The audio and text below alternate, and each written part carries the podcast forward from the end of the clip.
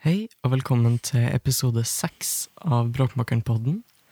I dag er datoen 17. mai, så vi tenkte at du skulle få høre litt om nasjonalismen som eksisterer på venstresida. Mitt navn er Felix. I studio har jeg med meg Kamerat E. og uh, urokråka. Vi kan kanskje begynne litt med Hva er nasjonalisme?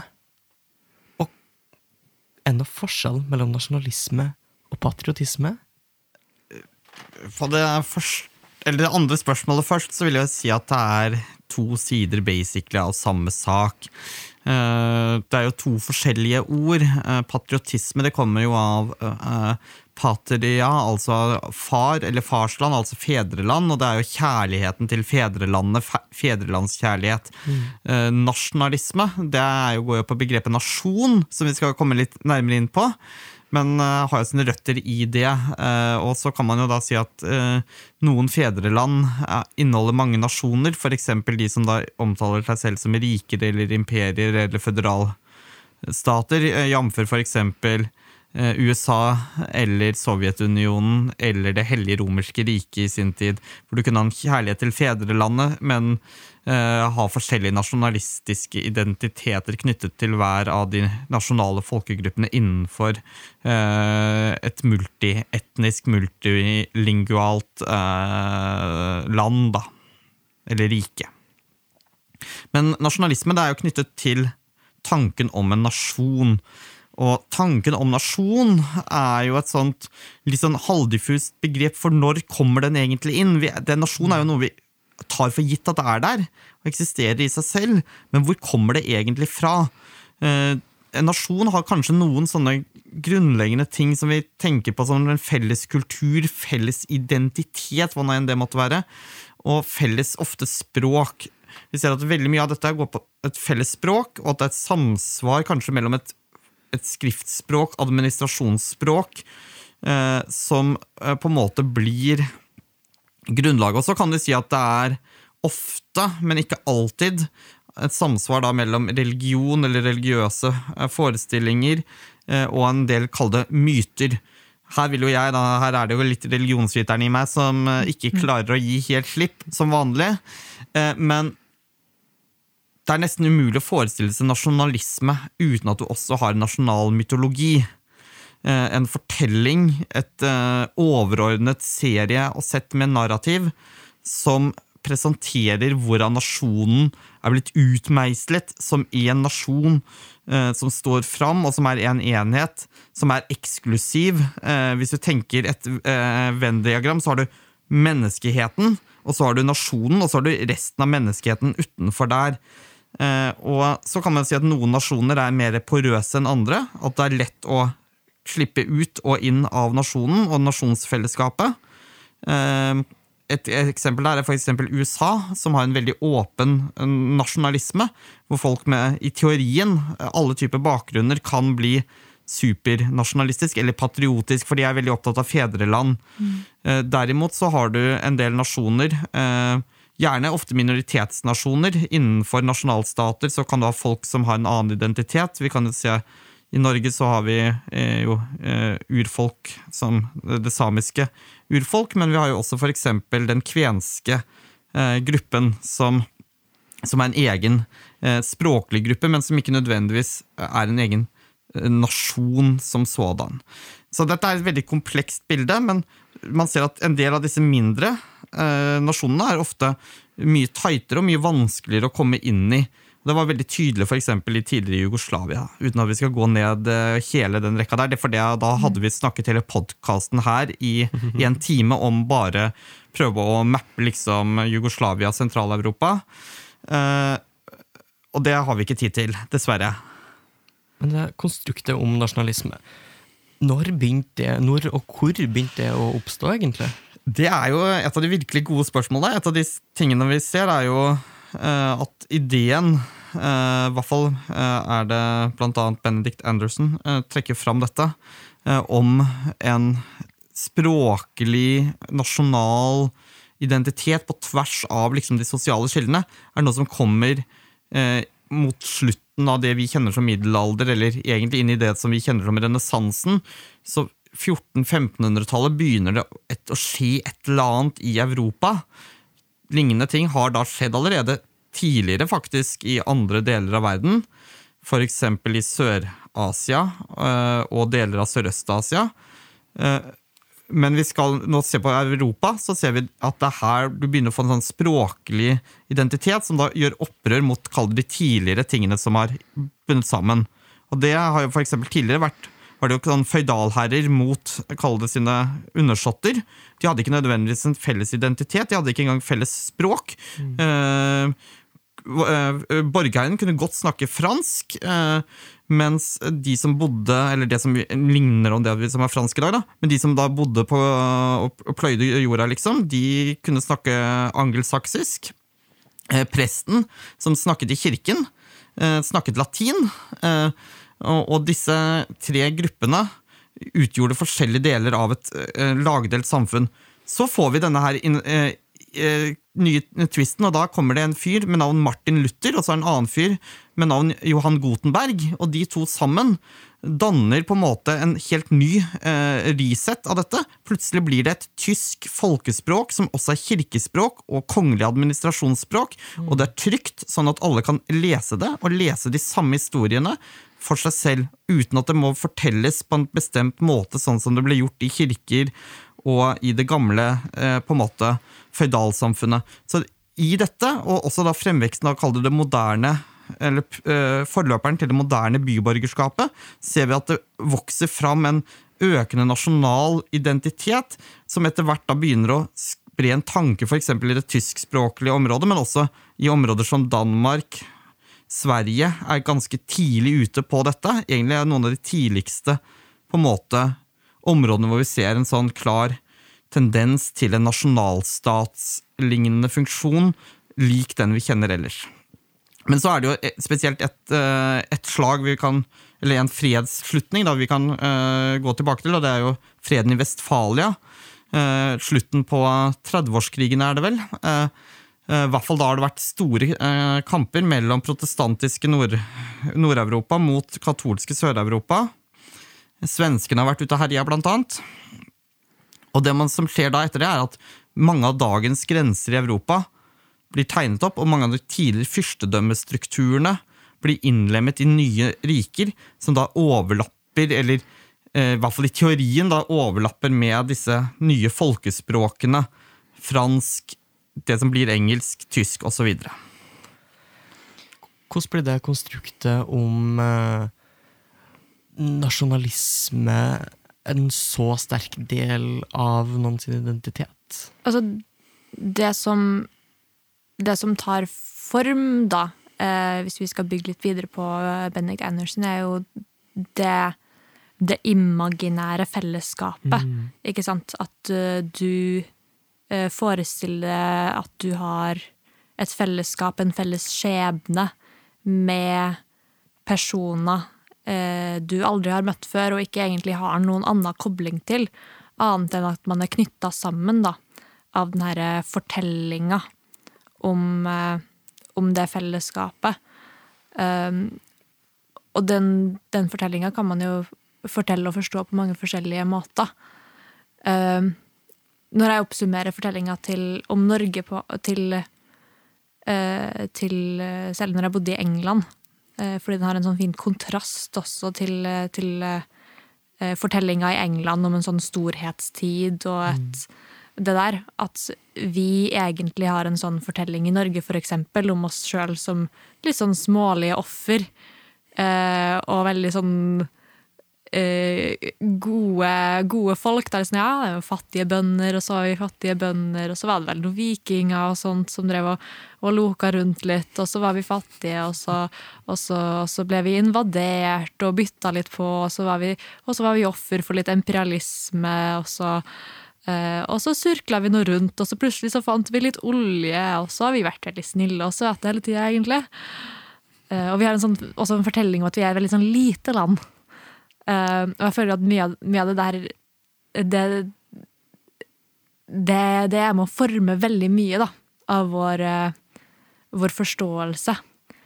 men det handler jo også om det her at du forestiller deg forestiller deg den nasjonen som en enhet, og at dere har, har en felles skjebne. Uh, altså det man fikk liksom med eh, den Når vi, vi starta å snakke om liksom de nasjonalistiske eh, regjeringene og eh, eh, visse germanske riker, eh, er jo også en sånn der forståelse nesten av eh, nasjonen som en slags sånn kropp, som en organisme, som må ivaretas, som må, som må være sunn. Nasjon, nasjonens kroppslige sunnhet. Eh, hvor vi må passe på så den ikke får sykdommer og blir infiltrert av alle mulige slags eh, ting som kan smitte seg rundt. Og, ja. Jeg tror, eh, Bare for å liksom spole litt tilbake, da. For det du beskriver jo der denne her, tanken om, om på en måte den, den rene nasjonen og nasjonen som eh, eh, dette mytologiske fellesskapet. Mye av dette kommer jo virkelig for alvor fram i opplysningstiden. Vi må se nasjonalisme som et produkt, tenker jeg, da, eh, mye av opplysningstidens tankesett og rasjonale. For eh, i opplysningstiden så skal jo de gamle ideene brytes ned. Det gamle eh, samfunnet, lagdelte samfunnet, skal omrokeres. Her er det revolusjonstanken både fra frigjøringsbevegelsene i Latin-Amerika, som er noen av de første som faktisk danner nasjonalstater. Og det er jo veldig interessant uh, hvor de statene egentlig kommer inn. For de har, de, de har, de har tilsynelatende ingen andre opphav enn at de har blitt tegnet inn på et kart og sagt at dette her skal være nasjonalstater. Eh, men du har da i Frankrike Uh, Og den franske revolusjonen er jo på mange måter kickstarten på både det moderne eh, Europa og eh, Europas utvikling, men også der hvor den moderne nasjonalismen eh, virkelig trer inn. Også den norske. Ja. En fortelling om, om Norge eh, som en del også av den progressive eh, seieren den franske borgerkrigen var. For, for nasjon, og det er viktig å ha med seg noen sånne ting. Det er historien om en tapt gullalder. I Norge kan vi tenke oss vikingtida. Og så er det en periode med nedadgående spiral, før man igjen tenker seg denne progresjonen med at man får en nasjonal vekkelse, og igjen ser nasjonen eh, som den fantastiske tingen da i dette her narrativet må være eh, løfte seg fram, og så kan løfte seg opp og inn i en ny tid. Og Den dynamikken der er det viktig å ha i bakhodet, spesielt når vi ser på nasjonalisme opp mot venstresida. Hva mente egentlig venstresida sine tenkere om nasjonalisme? Initielt så var veldig mange skeptiske. Eller hvis vi går tilbake til eh, f.eks. 1600-1700-tallet, så kan vi si at en del av de progressive tenkerne så ikke nødvendigvis eh, så ille på, eh, på tanken om nasjon og nasjonalstat, fordi man så mer denne fellesskapet på tvers av, eh, av de skillelinjene som hadde ligget der før. Eh, Og man så også at f.eks. språklige undertrykte grupper eh, innenfor imperier eh, Her kan du tenke f.eks. det habsburgerske riket. Eh, ungarerne for eksempel, er jo et av de første folkene der til å utvikle en, en sterk nasjonalisme. Det er riktignok den uh, ungarske adelen, uh, magyarkulturen, som, uh, som skal løftes fram. eh, men det, det du, Man ser allerede da på 1600-1700-tallet at det er en bevegelse mot, mot uh, et annet type samfunn. Og der var det også progressive tenkere. Men så kommer du ut på 1800-tallet, og da har vi sånn som Karl Marx, uh, som er veldig kritisk da på mange områder til den form for nasjonalisme man ser, uh, ser rundt seg. Marx ser jo på klasse som det overordnede eh, konfliktdrivende spørsmålet, interesse, materielle interessekonflikter. Og da er snakk om nasjon. Det er noe som tilslører og forvirrer, og er nok et element for å undertrykke eller underkaste arbeideren eh, et, et maktstruktur. Og vi ser akkurat samme type analyse hos f.eks. eh, noe senere enn Marx, da, men hos eh, Kropotkin. Men vi ser det også samtidig med Marx eh, utvikler seg lignende tanker hos f.eks. Proudhon og, og, også andre da, tenkere som, som Størner har også en lignende type eh, rasjonalisering rundt da hva denne nasjonen er, og hvordan for, nasjonen forstyrrer. Og dette kommer jo da litt i, igjen i en konflikt da med eh, F.eks. mer kall sosialliberale tenkere, som, for eksempel, som tar nasjonstanken mer for gitt, sånn som f.eks. Maximilian Weber. Eh, så her ser vi at ja, Det er veldig mange tyskere ute og flyr her, men det er kanskje ikke helt tilfeldig når vi snakker om, eh, om, eh, om, om nasjonalisme. For vi, vi, kommer ikke helt utenom Tyskland heller. Det er liksom en skygge som kommer til å hvile i bakgrunnen på sin egen uhyggelige måte gjennom det, hele denne podkasten, tror jeg. Men den mer eksplisitte nasjonalismen på venstresida, ble den mer oppbygd gjennom Sovjet, Russland og mer Lenin-Stalin? Eh, Lenin var jo internasjonalist på mange måter. Eh, eller eh, Lenin ønsket jo en global revolusjon og mm. kjempet jo for å spre revolusjonen utover.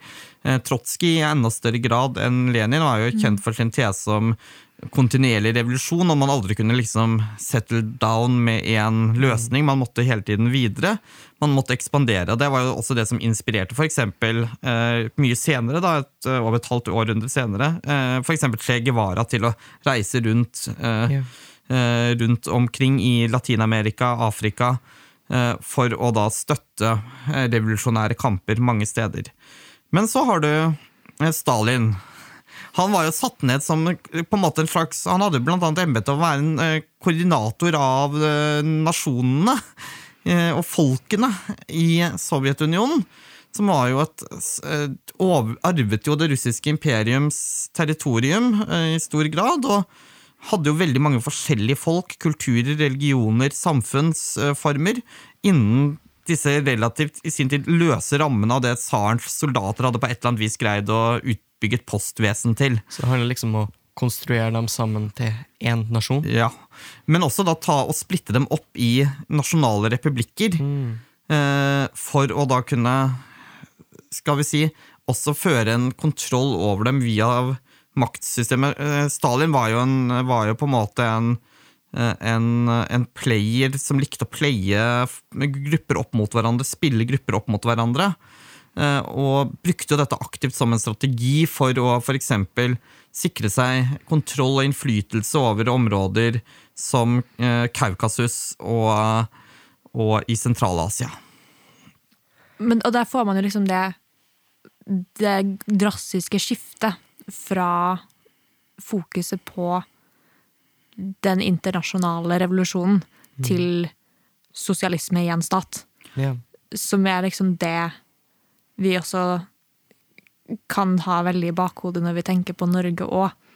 Eh, hvor det er liksom sånn der Ja, men vi i vårt land, vi er flinke eh, på å være rettferdige og gode. For, for å dra litt eh, mer hjem igjen.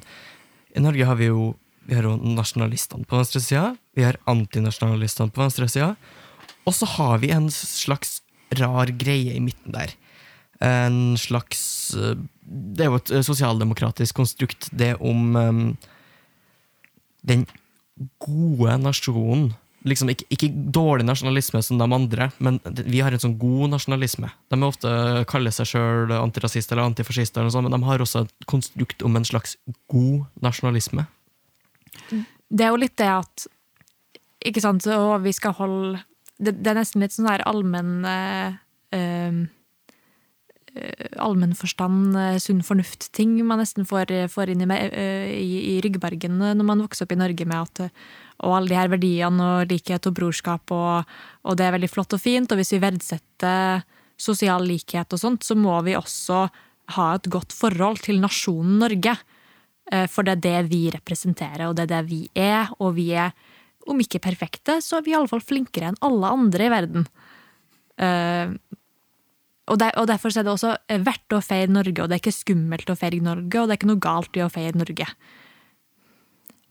Eh, jeg tror det er nyttig at vi eh, går enda litt, eh, litt tilbake og ser hvilke narrativer som har vært. Hvis vi går til 1800-tallet, så ser vi at eh, kall den tidlige norske arbeiderbevegelse egentlig ikke hadde så veldig stort problem med å være for nasjonsbyggingsprosjektet Norge, fordi man fortsatt så det som et relativt progressivt prosjekt. eh, eh, så lenge det ikke bare ble bonderomantikk.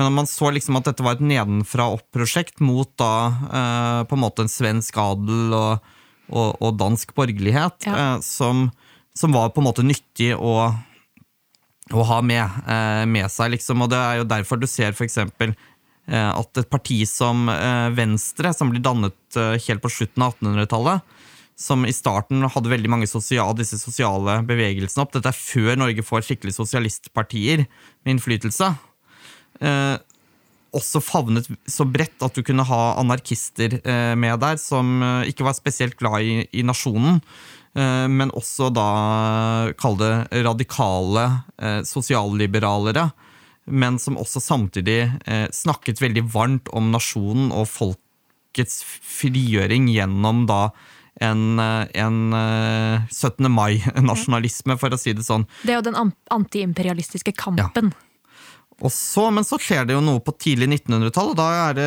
har vi jo allerede hatt en podkast om, eh, om syndikalistisk innflytelse på norsk arbeiderbevegelse. Eh, så vi trenger ikke å gå inn i hele den rekka der, men vi kan jo si at det kom inn veldig mye in, eh, input fra inter, internasjonalistiske og syndikalistiske og kommunistiske bevegelser eh, inn i spesielt Norske Arbeiderparti og i LO. Ja, hvordan, hvordan gikk det fra den syndikalistiske tendensene og den sånn halvsyndikalistiske arbeiderbevegelse i Norge til den, det konstruktet om nasjonen Norge? Det er, det er, jo, et, eh, det er jo et av de liksom, kjempeviktige spørsmålene. Eh, Og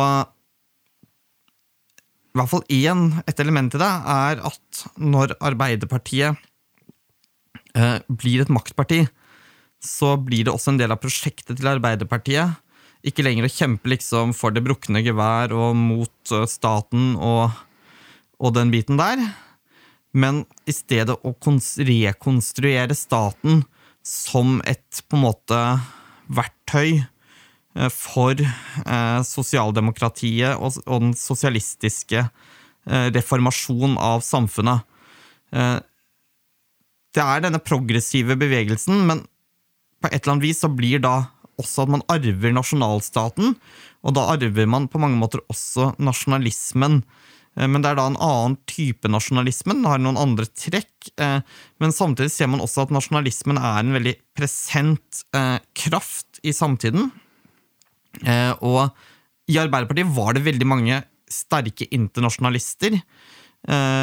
Og på 19, så sent som 1930-tallet hadde de veldig mye av hegemoniet internt i Arbeiderpartiet, før man eh, da får kanskje den største enkeltgamechangende hendelsen, det er jo annen verdenskrig. Du har først klassekompromisset, by og land hand i hand. Plutselig må samarbeider man med, eh, strategisk med Bondepartiet. Før man da får annen verdenskrig, samlingsregjering. Arbeiderpartiet blir eh, med Einar Gerhardsen og samlingsregjeringa etter krigen de som skal gjenreise landet.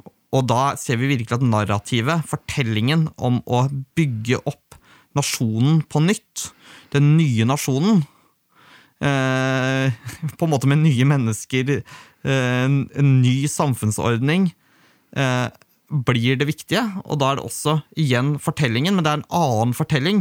Det er ikke lenger det at vi går tilbake til sånn vikinger og, og, og den biten tones ned. Sjøfartsnasjons-Norge-narrativet tones også ned. Eh, derimot så er det småbrukeren eh, eh, og den biten tones noe opp, men det er jo kamparbeider-Norge som blir det viktigste narrativet. Og da får du sånne sanger som 'Frihetens forpost', blant annet, som, som Arbeiderpartiet fortsatt synger på møter og på 1. mai. Men som er jo veldig nasjonalistisk, hvor det har linjer som 'Ser du byen og hjembygdas eh, lier'?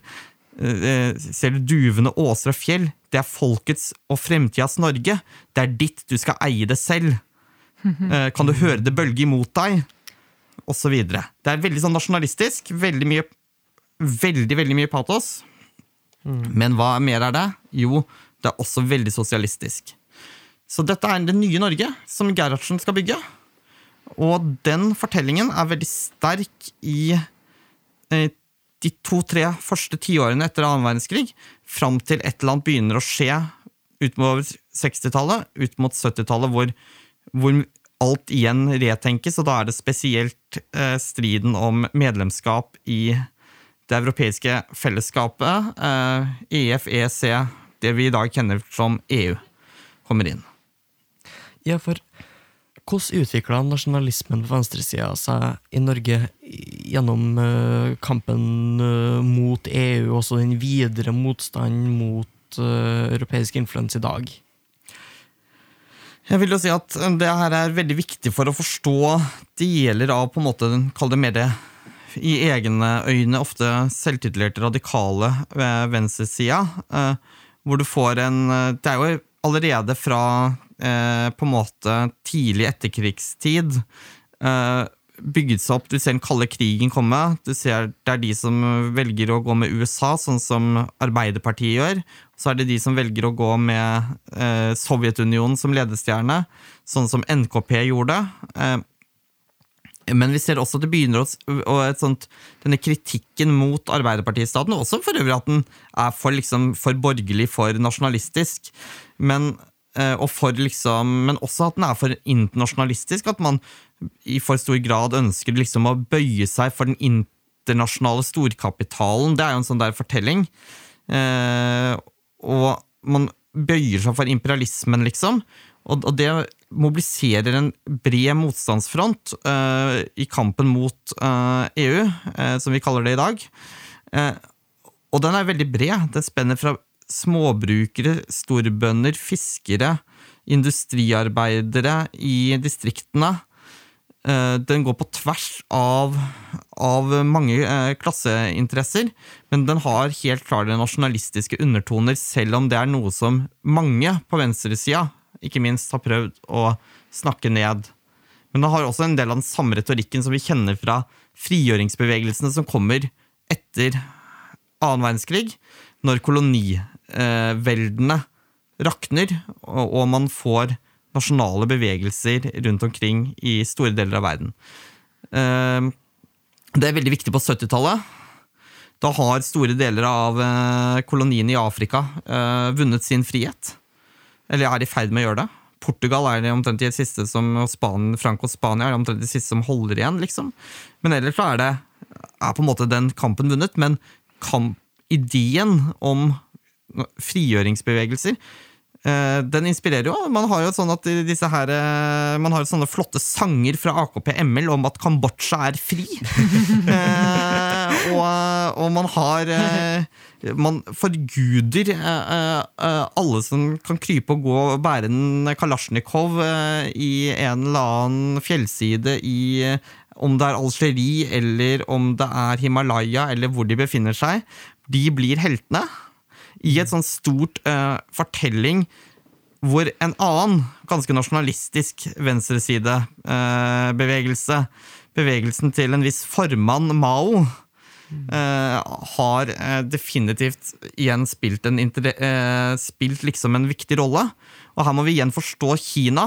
Vi skal ikke snakke om, veldig mye om Kina i dag, men bare veldig, veldig kort. At Kina har alltid vært preget av en idé om Kina. Mm. Som både er et rike, et imperium. Det er midtens rike, men det er også et kulturområde.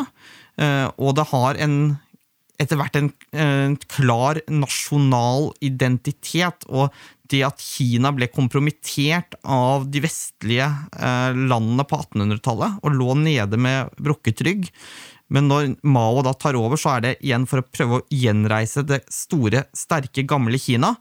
Eh, det tapte riket i midtens rike. Den fortellingen er også viktig å ha med, for der ligger også at der hvor Stalin på en, i stor grad snakker om fedrelandet, sånn, spesielt under annen verdenskrig, så gjør Mao det på en enda et nivå opp. Mm. Og det er Mao som blir den store inspiratoren for ML-bevegelsen, som influerer veldig mange på 70-tallet. Samtidig finner du også da motbevegelser, da, eh, og det kommer vi jo kanskje litt inn på i siste del av denne podkasten. For, for å fortsette litt på den uh, ruta der. Vi har jo vi har både hatt eh, AKP ML, og vi har også i dag TF. eh, Tjen folket. Tjen folket, ja. Sin eh, sine stadig økende tendenser mot nasjonalisme. Det bygger jo kanskje litt mer på det Mao-ideologien og den personkulta rundt Mao og også Stalin nå, da. Um, der de nesten beveger seg i en retning av nasjonalbolsjevisme. Det kan, det, det kan man jo godt si. Jeg ville ikke brukt eh, nødvendigvis begrepet nasjonalbolsjevisme, for det der på et eller annet vis er jo veldig knytta opp mot en del ting som da eh, dukker opp i Sovjetunionen eh, og, og i, i Russland etter Sovjetunionens fall.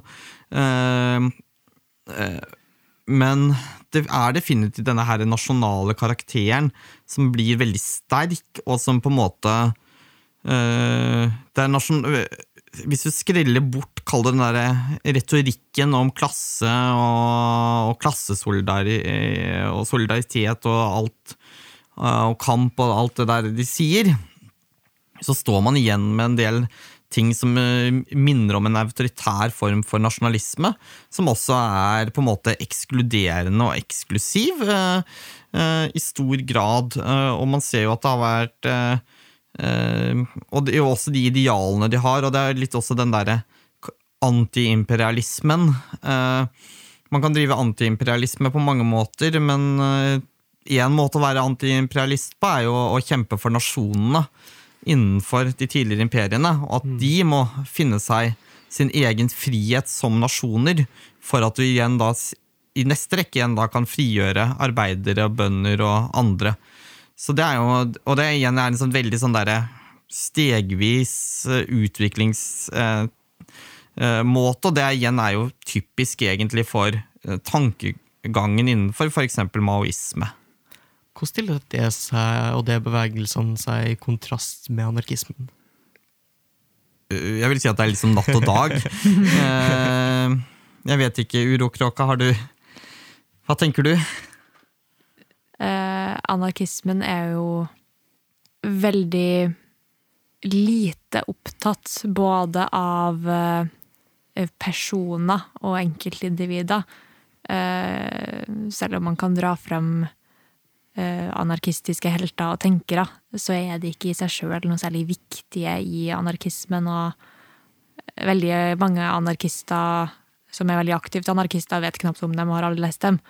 Eh, så det er jo en helt annen tilnærming, da, eh, til måter å tenke på, og anarkismen er jo også veldig lite fokusert på nasjonen, og veldig fokusert ikke bare på det internasjonale, på det syndikalistiske viset, men på, på det lokale. Eh, Og ikke på en bonderomantisk måte, eh, men eh, i Ja, veldig det Litt sånn nesten tilbake til, til Benedict Anderson. Altså det er i Det er noen folk du har en faktisk relasjon til, og som du faktisk ser, og som du faktisk har et fellesskap med. Eh, og anarkister er gjerne litt fokusert på det, det faktiske fellesskapet, i tillegg til de her eh, linjene, da, eh, med klassesolidaritet til, til resten av verden, som vi, vi dro opp litt med, med Marx. Så det er liksom Man ser jo mye mer på verden som en sammensetning, da, av alle de her ulike faktiske fellesskapene som er knytta til hverandre med ulike klassekonstellasjoner og sånt. Og så er jo en av de tingene som ligger med anarkisme nesten i jordet, da. Og I hvert fall hvis vi skal lese det eh, eh, fra Prodot, for eksempel, eh, men også Kropotkin, er jo, det er jo Man vil jo denne her sentralstaten til livs. Eh, og, og det er jo spesielt for Prodot er det jo den, det er den franske borgerlige staten som eh, er veldig eh, nasjonalistisk, men som kommer som et resultat av den franske revolusjonen og Napoleon. Det er jo den eh, han vil til livs. Og hvis du fjerner på en måte den nasjonalstaten, hvilken rolle spiller da nasjonen? Uh, uh, og, og da blir det igjen denne her konstellasjonen med at du har dette ekstremt åpne, globale nærmest fellesskapet som kan være menneskeheten. Eh, eller det lokalsamfunnet, det som er håndgripelig, de menneskene du faktisk har en relasjon til og har muligheten til å kunne forholde deg til. og for de aller fleste av oss så er det et eller annet sted mellom 100 og 100 og 1000 mennesker som utgjør den, den gruppen. Og, eh, og, og, så er det jo da igjen hvor porøs eh, det fellesskapet er. Og der er det jo litt forskjellige tenkninger også innenfor blant folk som kaller seg anarkister. Men vi ser jo at, at for de greske filosofene var jo bystaten polis var idealet. Det var jo eh, da rett nok slik at de hadde bortdefinert store deler av befolkningen som slaver, utlendinger eller kvinner. Eh, så de da, skulle da ikke liksom ha noe å si uansett. Så det var da liksom disse frie mennene, da. Men de var fortsatt såpass få da, at de kunne telles liksom, og, og, og cirka vite omtrent hvem de var. Det var litt vanskelig i Aten, eh, som var en storby, men på mindre steder så var det fullt mulig å på en måte ha et overblikk over hvem var hvem. Og sånn at man på en måte hadde en oversikt. Og det var på en måte utgangspunktet. Men så skjer veldig mye. Eh, men så anarkismen, eh, den, den har jo i seg eh, ja, vi, La oss gå til anarkistsymbolet igjen. Mm. Vi har jo hatt dette her før, men la oss bare repetere. Hvilken farge har anarkistflagget? Svart. Rosa. Jeg hørte svart her et eller annet sted. Og, og det er helt riktig som kamerat Felix sier her det er svart. Og den uh, sorte flagget, det er jo mange fortellinger om det, men en av dem er jo det er negasjon av alle flagg. Altså det er antiflagget. Mm. Jeg trodde det var fargen til kråka. Det er ravn, det som er sort. Eh, med mindre du da hadde levd for 1000 år siden og det fortsatt fantes hvite ravner igjen. Mm. Eh, men det sorte flagget eh, står opp mot alle de andre eh, nasjonsflaggene og fraksjonsflaggene og er på en måte et symbol på en verden forbi nasjoner, men også en verden forbi partier og, og, og imperier. Og, det, og det, jeg tenker det er veldig viktig å ha den i, i, i bakhodet, eh, for det er å ta dette her enda lenger. Så kan man si at de første kommunistbevegelsene, da, som prøvde å lage revolusjoner, de uh, opererte heller ikke med veldig mye sånn symboler i sine flagg. De brukte stort sett helt rene røde flagg. Mm. Uh, og fortsatt så vet jeg at det er uh, enkelte, sånn som Ranheim arbeidersamfunn. De er jo ikke akkurat anarkister. de er vel ganske trause sosialdemokrater. Men de nekter plent å heise det norske flagget på 1. mai. Mm. Fordi de ikke vil ha det der, verken det kristne symbolet, men de vil heller ikke ha det nasjonale symbolet symbolet, fordi de ikke driver med nasjonalisme i den forstand. De ser seg fortsatt som en del av en internasjonal arbeiderbevegelse, eh, med røtter da tilbake til, til slutten av 1800-tallet. Men det er jo fascinerende at, at, i det hele tatt det norske flagget har blitt et akseptabelt symbol å dra fram på mm. 1. mai. Som, ja, men... som tross alt har ingenting med Norge å gjøre. Jeg synes jo Mai er jo, For meg som ikke er, eh, er veldig glad i nasjonalisme, så er jo mai eh, en litt sånn tvetydig måned. Er, den har årets beste dag, 1. Eh, mai. Det er vår. Det begynner å bli varmt i været og behagelig å bevege seg utendørs, i Trøndelag til og med. Stort sett, hvis det ikke er sånn som i fjor, hvor det var snø i store deler av mai. Samtidig har du alt det der nasjonalismegreiene. Du har 8. mai, som har blitt en sånn derre hurra for eh, Hæren-dag. Mm. og 17. mai, som er noe av det merkeligste vi kan se. Det er et skue av nasjonalisme under dekke av å være en slags form for fest for barna. Som i seg selv er en veldig nasjonalistisk Nasjonsbarn. Ja, det er en veldig nasjonalistisk ting å si. Så nei, jeg føler at mai er en sånn måned hvor, hvor på en måte min, eh, min antinasjonalisme eh, får tøyd seg ganske så godt. Eh, og men jeg tenker at det er viktig at vi tar disse samtalene om det, og ikke minst også på venstresida, for venstresida i dag har jo fortsatt mye av det nasjonalistiske tankegodset. Mm. Også det mer skumle nasjonalistiske tankegodset. Jeg vil jo si at Alt nasjonalistisk tankegods har kimen til å være skummelt i seg selv. Jeg mener at det er, er noe som genuint er farlig. Eh, men hvis vi ser f.eks. på Klassekampen, så ser vi jo der en sånn der forherligelse av alt fra distriktsopprør, bunadsgerilja Det er ikke noe galt i de tingene de kjemper for. Levelige vilkår på bygda, levelige vilkår, gode fødeavdelinger i distriktene. Dette er bra ting, men vi ser igjen at det er en sånn portrettering av en sånn folket i landet mot denne her sentralmakta, som gjerne står i ledetog med storkapital fra skumle utland som England eller Sverige eller USA. Ja. Gud forby, liksom. Eh, så For det norsk storkapital eh, så det er my mye av denne her eh, fokuset her, denne dyrkingen av nasjonen og den uavhengige, den, den norske, som også sk- skinner igjennom. og det er kanskje ikke så rart, da Klassekampen i utgangspunktet var jo en AKP-ML-avis. eh, Og man kan jo si at eh, selv om mye av annet ML-støff har forsvunnet ut av Klassekampen, så har nasjonalismen, eh, som også var en del av det, definitivt forblitt innenfor rammene av den, den avisen og den type journalistikk og måte å se verden på. Men mer proteksjonistiske industrisosialismen Det finner man jo andre plasser på venstresida, blant annet i Rødt, som nesten stadig blir mer industripositiv og bygger narrativet sitt rundt det. Definitivt. Ai, den norske olje. Mm. norsk olje og norske, norske arbeider.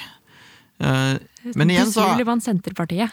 men, men igjen så er det jo Dette her er jo en sånn, dette er en sånn fortelling om Arbeider-Norge. Eh, Det er ikke en, man skal ikke vel ikke stikke under stein gjemme bort liksom at eksempel Mimir Kristiansen, eh, Bjørnar Moxnes med flere har ah, lenge nå snakket veldig mye om at Rødt må bli det nye Arbeiderpartiet. Man, må, man graver Mimir skrev jo en bok om Gerhardsen. Og Gerhardsens eh, styringssystem. Det de prøver, er jo å gjeninnhente liksom det Arbeiderpartiet som har gått tapt gjennom nyliberalisme og, og, og Stoltenberg-periode og Brundtland osv. De prøver å gå tilbake til Arbeiderpartiet sånn det var, eller som folk tror det var under, under eh, Gerhardsen. Og med da idealet om å bygge opp et norsk industrisamfunn som er sosialistisk og osv. osv. Men det er jo en, det er en myte, og det er en myte som minner veldig mye om den generelle nasjonalismemyten. eh, Mer enn et faktisk eh, klassemessig analyse av samfunnet. Det er jo noe der og eh, som ligger, ligger i bakgrunnen. Og det er jo nettopp det at den her norske Den fortellinga om den norske godheten har slått ganske mange sprekker. Eh, som gjør at man Ikke sant, det, det er et forfall der da, som man har oppdaga. Eh, Ja, for det er narrativet ja. om eh, det er typisk norsk å være god. Ikke sant? Og det, og det er jo veldig tufta på, på den ja, etterkrigsfortellinga om at vi bygde opp landet, at vi har bygd opp et godt land. Og så har, altså har det gradvis blitt spist opp av nyliberalismen, og man har ikke helt på venstresida oppdaga før inntil ganske nylig nøyaktig hvordan det her har skjedd, egentlig. Jeg husker vi var og prata med eh, folk fra Tramteatret annet, om hvordan de forsto nyliberalismen eh, på 80-tallet, da den først kom inn. Og det var jo ikke noe Ja, det var et eller annet med Frp og et eller annet med nærradio, og, og man visste ikke helt. da, Man skjønte jo at ting slo sprekker, men man så ikke helt uh, hvordan det her hadde foregått, da. Uh, og særlig Arbeiderpartiet sin rolle i det uh, da. Det, men det er jo noe man har fått en mye klarere fortelling om nå, som også har det derre Ja, litt det med en slags storhetstid, eh, som man kan bygge opp som en myte, men som ja, går over i et slags forfall, da. Men er det norske konstruktet om nasjonalisme unikt til Norge, eller eh, finnes det paralleller andre steder i verden? Jeg tror Hvis du leter litt, så tror jeg du vil finne lignende fortellinger eh, de fleste steder. For dette er noe som eh, Hele den strukturen vi har for å få folk til å innordne seg, på en måte. eh, Og, og, og, tenke at disse statsdannelsene, disse styringsstrukturene, autoritære strukturene eh, som eh, inndeler verden rundt oss, at de er liksom sånn naturlige ting. For at det, skal, det, det bildet skal henge sammen, så trengs, eh, trengs disse mytene. Og når man har det, så vil da eh, så, så blir det liksom en sånn naturlig del av, eh, av, av den pakken. Eh, men det er selvfølgelig forskjellige ting som trekkes fram i forskjellige land og settinger. Amerikansk patriotisme er, eh, har en del andre elementer enn den skandinaviske eller norske eh, sosialdemokratiske eh, fortellingen. Eh, og, og, og som det naturlig at vil være forskjellig. Eh, Men grunnstrukturen, grunntrekkene i hvordan fortellingen er bygd opp, og hvordan de virker, er veldig like. Og en av de tingene som eh, man kan jo se i dag, er jo at det er mange som har denne ideen i Norge om at vi hadde en gullalder egentlig med 50-60-tallet, eh, og kanskje til og med 70-tallet, hvor vi fant, når vi fant oljen, og det hadde vi bygd opp landet og det og at det var Arbeiderpartiets tid. Men det er nå mange som prøver å trekke den fortellingen der til sin favør. Vi har Rødt, som vi har snakket om. Senterpartiet er også eh, interessant å trekke fram der. Vi skal ikke gå så dybden på det her nå, det har vi ikke tid til. Eh, et annet parti som også eh, har prøvd å spille veldig på dette her, eh, men da gjerne kjørt det på den mer klassiske høyrepopulistmåten, er jo Frp. Men det den nasjonen Frp også forguder liksom å trekke fram, er jo, eh, er jo på en måte den enhets, eh, enhetlige nasjonen som er harmonisk, men som også er bygget opp under da, nettopp Gerhardsen-perioden. Så det er fortsatt det er Gerhardsens Norge eh, som man ønsker seg tilbake til. Men, og da mener man, men forklaringen på hva som er problemet, eh, varierer jo da fra Rødt, eh, Senterpartiet og Frp.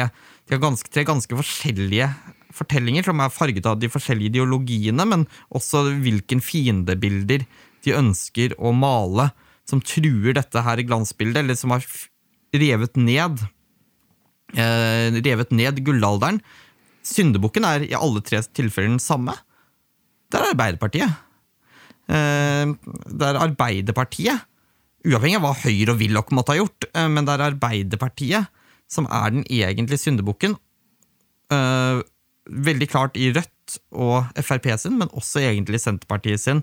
Det er jo det vi ser nå, at Senterpartiet prøver å brande seg som det nye Arbeiderpartiet. Alle prøver å brande seg som det nye Arbeiderpartiet, og det er vi også veldig nær inne på en veldig interessant ting, at der Arbeiderpartiet har gått kanskje i en mer internasjonalistisk retning, eller i hvert fall løfter seg opp på et EU- og FN-nivå, så har andre vært ute og stukket av gårde med, kle, eh, eh, med, med, med klesvasken deres når de var ute liksom og badet i det internasjonale farvann. Det er et sånt bilde som mange har trukket fram, og som eh, på et eller annet vis gir også litt mening. Hvordan motvirker de her, vi de her eh, venstrenasjonalismen? På én side så er den jo veldig naturlig. Det handler jo om at man som aktivist også prøver å eh, komme inn med sine punkter og poenger i de fortellingene man allerede har der. Og at man jobber også til en viss grad med de strukturene som finnes. Altså, vi bor jo i den her konstruksjonen eh, Norge, både med tanke på liksom lovlige ting og, og alt mulig annet. Så til en viss grad så er det jo naturlig at man forholder seg eh, til de strukturene og til de fortellingene der, da, når man skal skyte inn sine egne greier. Det er det å være veldig bevisst eh, på at eh, man ikke biter seg sjøl i foten eh, med akkurat der, og grave sin egen grav osv. Jeg tror, jeg tror man må være tydelig på fortellingene, på historiefortelling. At de fortellingene vi forteller, er den virkeligheten som er der. Oh yes, nå hørtes jeg ut som jeg har brukt altfor mange år oppe på Dragvoll og, eh, og i en sånn postmoderne, konstruktivistisk boble. Eh, Men det er jo litt det eh, jeg kanskje også har. Men jeg tror det er veldig mye i det, for den fortellingen vi forteller oss om verden, er slik vi ser verden, og det er slik verden blir virkelig for oss. Det er slik vi får mening i våre innbilte fellesskap. Eh, Men jeg tror også gjennom å drive konstruktiv direkte aktivisme, som også har med seg en fortelling og et klart budskap om hvordan eh, verden kan bli bedre. Gjennom å vise både i handling, eksempel, men også i fortelling og ord at andre alternative måter å tenke på er mulig, så tror jeg at man kan vinne mye. Og så er det en del avlæring som må til. I pedagogikken snakker man om læring, men også avlæring. Man må faktisk fortelle folk, og det gjør vondt, at det du har lært på skolen, det du har lært i partiet, det du har lært i kirka, det er ikke nødvendigvis riktig. Det er ikke nødvendigvis sant. Det fins andre sannheter der ute som kan være vel så sanne, og som uavhengig om de er sanne eller ikke, er noe du må reflektere over for å se hvor du selv står. Og det er en vond prosess å bli konfrontert med ting som er annerledes enn det du lærte. Og det tror jeg også er noe som blir verre jo eldre du blir, eh, og jo mer du har forsvart det bildet du har av verden fra før av, så er fallhøyden mye større for å endre kurs. Og det tror jeg vi ser også en litt sånn generasjonsskifte på gang nå, at det er mange i Og det er i mange land globalt, egentlig. Et skille mellom de eldre generasjonene, som stort sett sitter med makta, og unge folk som sitter med en annen forståelse av hvordan verden henger sammen, og hvordan verden fungerer. Og som ønsker å fortelle en annen historie om verden. Jeg føler at jeg avlærte egentlig litt av de fortellingene om, om Norge òg, ved å øh, forklare det øh, til øh, særlig radikalere i, i England, som også hadde nesten et enda tydeligere, da, fordi det var litt enklere ved bare å være på utsida, eh, bilde av Norge eh, som liksom godhetens, eh, godhetens nasjon. Eh, det var liksom sånn der og der, her snakker vi liksom folk i akademia som er langt på venstresida, kaller seg sjøl kommunister og veldig, veldig kritisk til alt. Men ikke til Norge, på et eller annet vis. Eh, Norge Nei, vi har ingenting vi skulle ha klaga på. Vi har et mye bedre helsevesen enn England. En løgn. Eh, mange ting i Englands helsevesen som er langt bedre enn det vi har, men det tror de ikke på. De tror ikke på at noen ting i Norge kan være ille, eller at vi kan være hykleriske. Så egentlig ved å gjentatte ganger prøve å banke det inn i hodet på andre mennesker, at Norge er ikke et perfekt land, at jeg liksom virkelig fikk det banka inn i mitt eget hode òg, da. Eh, hvor stor den løgnen der er. Takk for at du hørte på denne episoden av Bråkmakeren-podden. I studio har vært Kamerat E, som nok har snakket litt eh, mye i dag, men dette er bare fordi at det er eh, ting Kamerat E har brukt en del timer på å studere opp gjennom årene. Og urokråka, som har forholdt seg relativt rolig. og meg, Felix. Bak spakene har vært Åsmund Arnesen Riise fra Nyhavna Studio. Takk for at du lytta. Og god 17. mai. Eller kanskje ikke.